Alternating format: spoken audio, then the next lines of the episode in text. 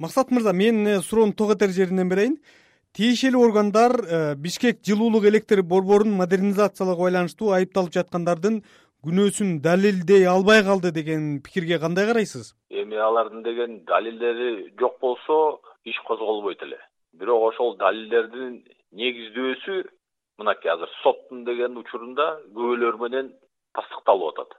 Күбөлөрдүн сөздөрүн деген мынакей интернеттен баары эле көрүп атпайбызбы ачыкка чыгып атпайбы. Депутаттар кантип кол койгонун эстей албай атышат? Министрлер кандай болгонун өкмөттө иштегендердин кандай болгондорун мына эсинен таңып чындыгы кандай болгонун эч кимге айтып бере албай отурушат. Анан ошон үчүн тергөө мезгилинде болуп аткан нерселер бул бир маселе. Ал эми сотто айтылып аткан сөздөр бул таптакыр башка нерселер. Ошону туура түшүнүш керек. Азыр сот деген ошонун баарын угуп атат.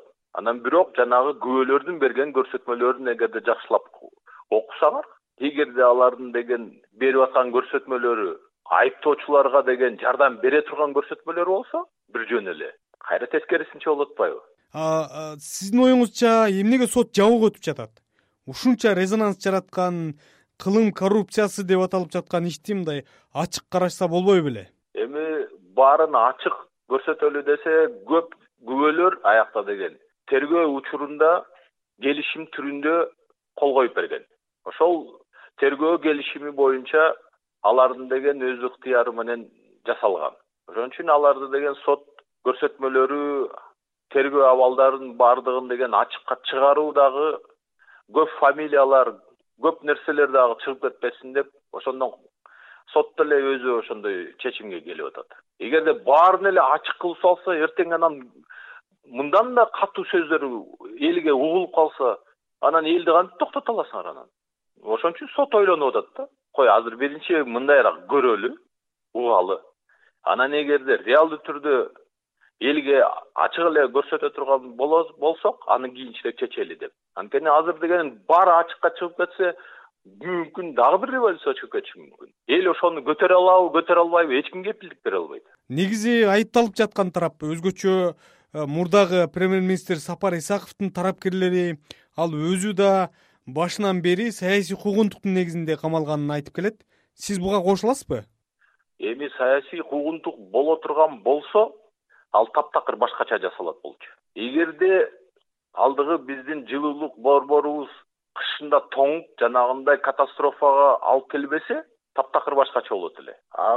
Иштин могу сот жүрүмү могу бүт нерселердин баардыгы ошол станциядагы болгон кокустуктан чыгып атат ушунча миллиондор менен жасалган станциянын аягындагы кейпи жанагындай болуп калгандыгынан элдин да жинин келтиргени ошол азыр тергөө менен азыр өкмөттүн да азыр ошо элге кантип түшүндүрө албай атканы да ошол болуп атат да. Бул кандай болуп калды? Үч жүз сексен алты миллион доллар жетпей калдыбы буларга нормальный станцияны салганга модернизация кылганга. Эгерде тэц жанагындай болбосо анда башкача болот эле. Анда биз ойлонсок болот эле и булар деген эски премьер премьер министрлер бири биринен өч алып атат деп эми.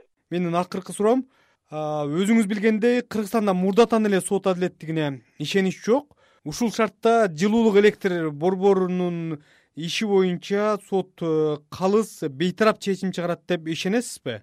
Биздин сотторго деген ишенич акаевден бери эле кеткен болчу ошондон бери мынакей бакиевдин убагында кандай болду атамбаевдин убагында соттор кандай өттү канча кишилер соттолду биз баарын эле көрүп турбайбызбы канчасы камалып отурат дагы эле. Анан азыр эми ушинтип эле сот системасын ушинтип эле күнөөлөй берсек бул деле туура эмес да. Ошон үчүн азыр деген соттордун өзүнүн абийирине коюш керек. Ар бир сот биринчиден кесиптик ою менен жасалат. Турмуштук тажрыйбасы менен жасалат. Андан кийин эл бар деген алар деле адамдар да алар деле саясаттын арасында жүрөт элдин арасында жүрөт. Ошон үчүн соттун деген чечимин өзүнө коюш керек. Эгерде уяты болсо адамгерчилиги болсо адам касиети болсо анда калыс чечим чыгарып берсин деп сотторго бир ушундай шарт коюп береличи өзүңөр чечкиле андан кийин анан силердин чечимиңерди анан биз талдайбыз. Анан ошондон кийин анан силердин ар бир өкүмүңөрдө жазылган ар бир беренени ар бир көрсөтмөнү ошону талдап чыгып туруп анан ошондон кийин анан сот канчалык деңгээлде калыс болгонун ошондон кийин чече алалы.